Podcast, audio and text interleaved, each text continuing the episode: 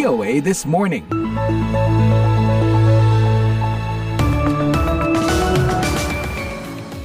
Selamat pagi, bertemu lagi di VOA This Morning, Senin 8 Mei 2023. Saya Madioni.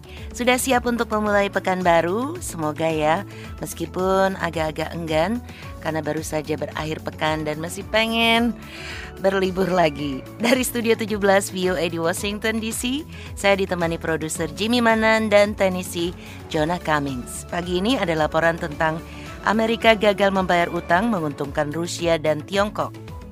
They love this. They love to see uh, chaos in the American system. Mereka menyukai ini.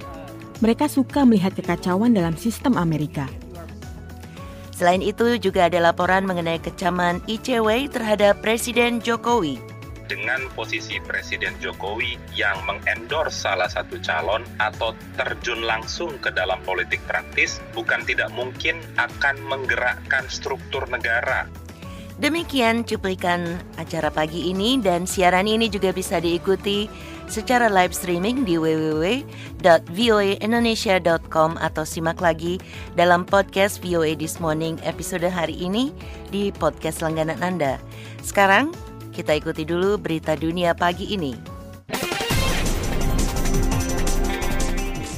Pemerintah Serbia mendesak warga untuk menyerahkan semua senjata yang tidak terdaftar atau menghadapi resiko hukuman penjara. Beberapa hari setelah dua penembakan massal yang menewaskan 17 orang, Kementerian Dalam Negeri negara Eropa minggu mengatakan bahwa orang-orang yang menyerahkan senjata, granat, amunisi, dan persenjataan lain yang dimiliki secara ilegal antara Senin sampai 8 Juni tidak akan menghadapi tuntutan apa pun. Pemakaman selama air pekan diadakan untuk para korban penembakan di sekolah Bugrad Rabu lalu dan di daerah pedesaan di selatan ibu kota Kamis malam. Kekerasan itu yang juga melukai 21 orang mengejutkan negara Balkan tersebut. Penembakan massal terakhir terjadi pada tahun 2013 ketika seorang veteran perang menewaskan 13 orang. Penyerang dalam penembakan massal sekolah pertama di negara itu adalah seorang anak laki-laki berusia 13 tahun yang menembaki teman-teman sekolahnya, menewaskan tujuh anak perempuan, seorang anak laki-laki, dan seorang penjaga sekolah. Pengadilan Irak telah menjatuhkan hukuman mati terhadap tersangka pembunuh analis keamanan terkemuka Irak, Hisam al-Hashimi, hampir tiga tahun setelah pembunuhannya. Sebuah pengadilan pidana minggu menjatuhkan hukuman mati kepada seorang perwira polisi Irak atas pembunuhan tersebut setelah menghukumnya atas tuduhan terorisme. Demikian menurut sebuah pernyataan dari Dewan Peradilan Tertinggi Irak. Al-Hasimi usia 47 ditembak mati pada Juli 2020 di depan rumahnya di Baghdad oleh dua penyerang dengan sepeda motor setelah menerima ancaman dari milisi yang didukung Iran. Pembunuhan terhadap para aktivis dan suara-suara kritis lainnya meluas di Irak selama tindakan keras terhadap gerakan protes massal yang pecah pada 2019. Banyak pihak penuduh pembunuhan itu dilakukan oleh milisi yang didukung Iran. Polisi di Brownsville, Texas mengatakan tujuh orang tewas dan sebanyak enam orang terluka setelah mereka ditabrak kendaraan saat menunggu di halte bis di luar tempat penampungan migran. Polisi Brownsville mengatakan kecelakaan itu terjadi sekitar pukul 8.30 pada hari Minggu di kota perbatasan. Para korban sedang duduk di pinggir jalan di halte bis di seberang jalan dari Bishop Enrique San Pedro Ozanam Center.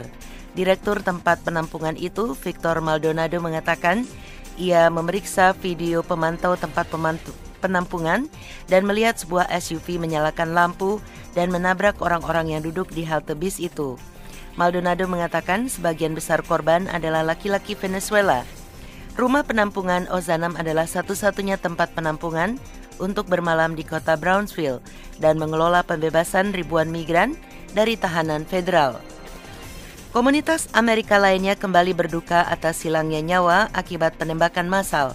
Kali ini di sebuah mall di daerah Dallas, di mana seorang laki-laki bersenjata keluar dari sebuah mobil sedan dan menembaki para pembeli. Delapan orang tewas dan tujuh lainnya terluka Sabtu di pinggiran kota Allen sebelum penyerang dibunuh oleh seorang petugas polisi yang kebetulan berada di dekatnya. John McCatton adalah pendeta senior di gereja Cottonwood Creek, sekitar dua mil dari mall itu. Ia berdoa selama kebaktian mingguannya untuk para korban. Responden pertama serta pembeli serta karyawan yang melewati hal-hal yang tidak seharusnya pernah mereka saksikan.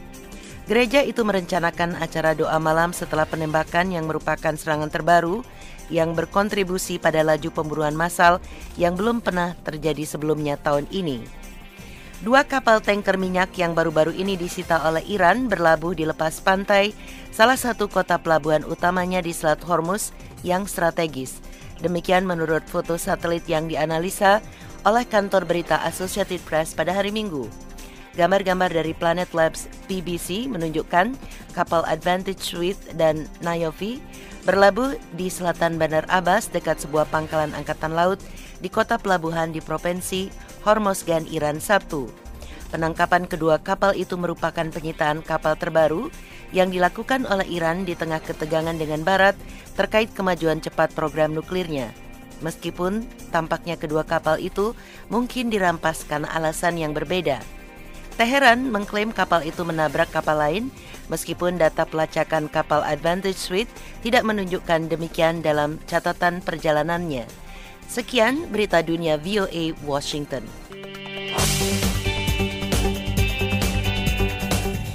Pendengar pejabat Amerika memperingatkan bahwa Tiongkok dan Rusia dapat memanfaatkan kekacauan yang akan terjadi apabila Amerika gagal membayar utangnya.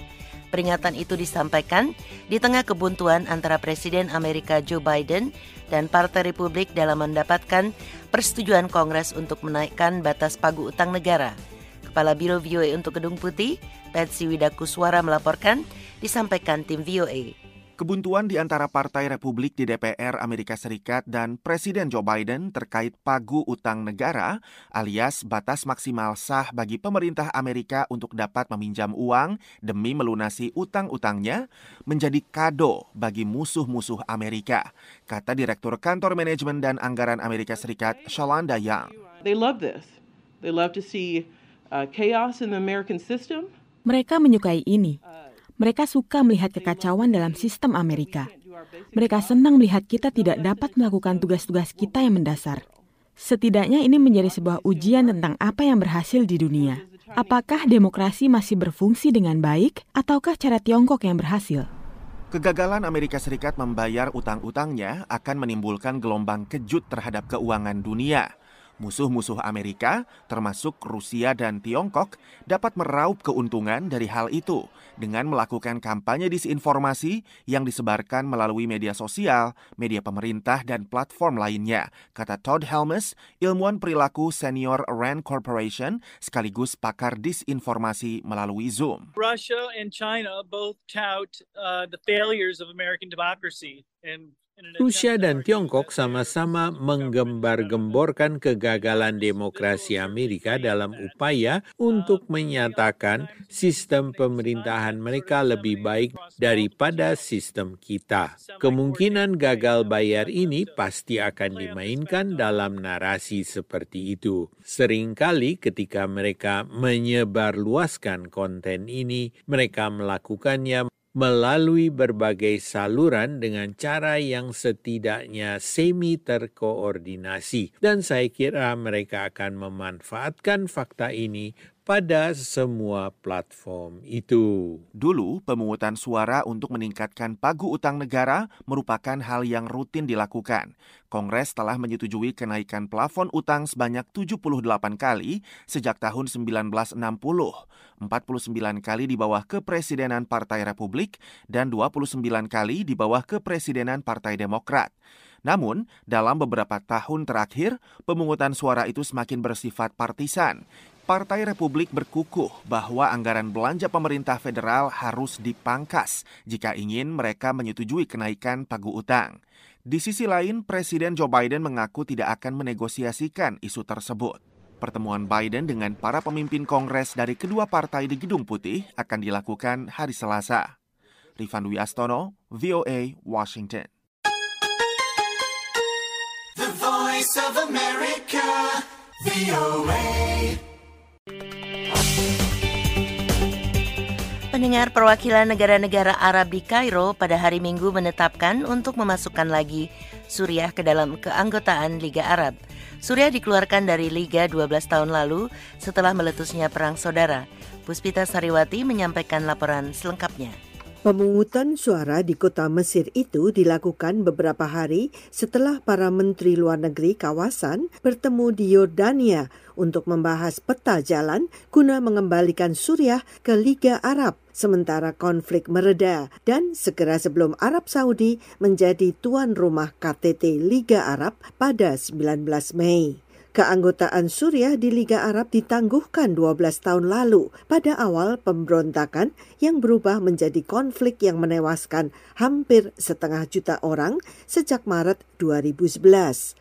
Konflik itu juga menyebabkan setengah dari 23 juta jumlah penduduk Suriah sebelum perang mengungsi Menteri Luar Negeri Mesir Sameh Soukri mengatakan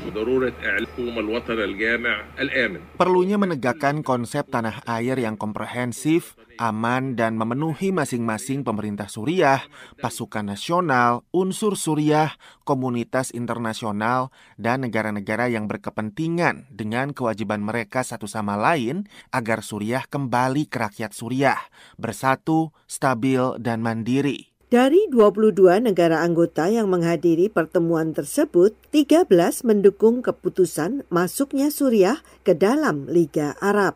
Sekjen Liga Arab Ahmed Abdul Gaith mengatakan, Kembalinya Suriah ke Liga Arab adalah awal dan bukan akhir dari sebuah langkah arah penyelesaian krisis di Suriah akan memerlukan waktu untuk menerapkan prosedur dan itu akan bertahap. Juga, ini bukan keputusan untuk melanjutkan hubungan antara negara-negara Arab dan Suriah. Ini adalah keputusan berdaulat yang harus diambil sendiri oleh setiap negara. Keanggotaan Suriah di Liga Arab ditangguhkan pada 2011 setelah tindakan keras terhadap protes di jalanan menentang Presiden Bashar al-Assad akhirnya menyebabkan perang saudara yang menghancurkan. Banyak negara Arab menarik utusan mereka keluar dari Damaskus. Baru-baru ini, negara-negara Arab berusaha mencapai kesepakatan tentang apakah akan mengundang Assad ke pertemuan puncak Liga Arab pada 19 Mei di Riyadh untuk membahas langkah normalisasi hubungan dan dengan syarat apa Suriah bisa diizinkan kembali. Puspita Sariwati, VOA, Washington.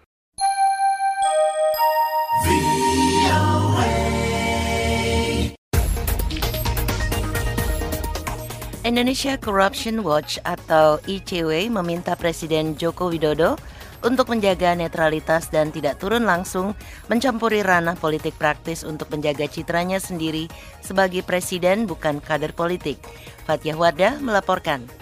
Presiden Joko Widodo selasa malam lalu mengumpulkan enam ketua umum partai politik pendukung pemerintah di Istana Negara. Keenam partai itu adalah Partai Amanat Nasional, Partai Persatuan Pembangunan, Partai Golongan Karya, Partai Gerakan Indonesia Raya, Partai Demokrasi Indonesia Perjuangan, dan Partai Kebangkitan Bangsa.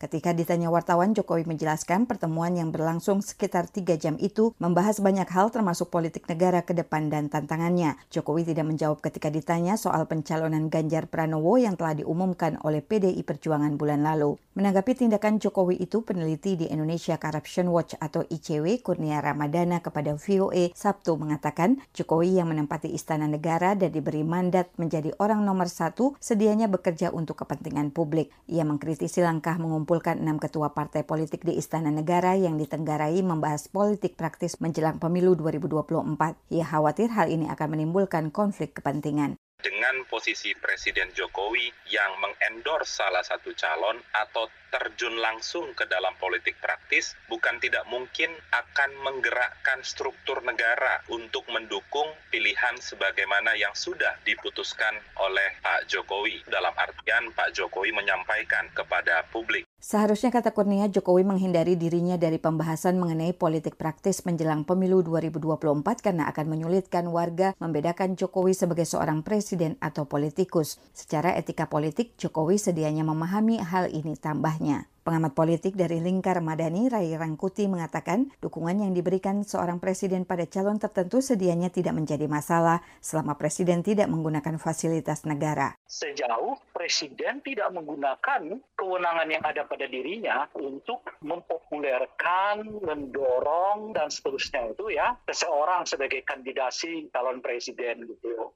Menurut Ray, jika pertemuan dengan ketua dari enam partai politik itu di jam kerja menggunakan fasilitas negara dan membicarakan hal-hal berkaitan langsung dengan jabatannya sebagai presiden, tentu itu tidak diperkenankan. Ray menilai kecenderungan Presiden Jokowi mendukung salah satu calon presiden tidak bisa dilarang, tetapi menjadi hal yang berlebihan ketika Presiden Jokowi ikut hadir saat Ketua PDI Perjuangan Megawati Soekarno Putri mengumumkan Gubernur Jawa Tengah Ganjar Pranowo sebagai calon presiden dari partai berlambang kepala banteng itu. Hingga berita ini ditulis pihak istana belum menanggapi kecaman ini. Dari Jakarta, Fatia Wardah melaporkan untuk VOA Washington.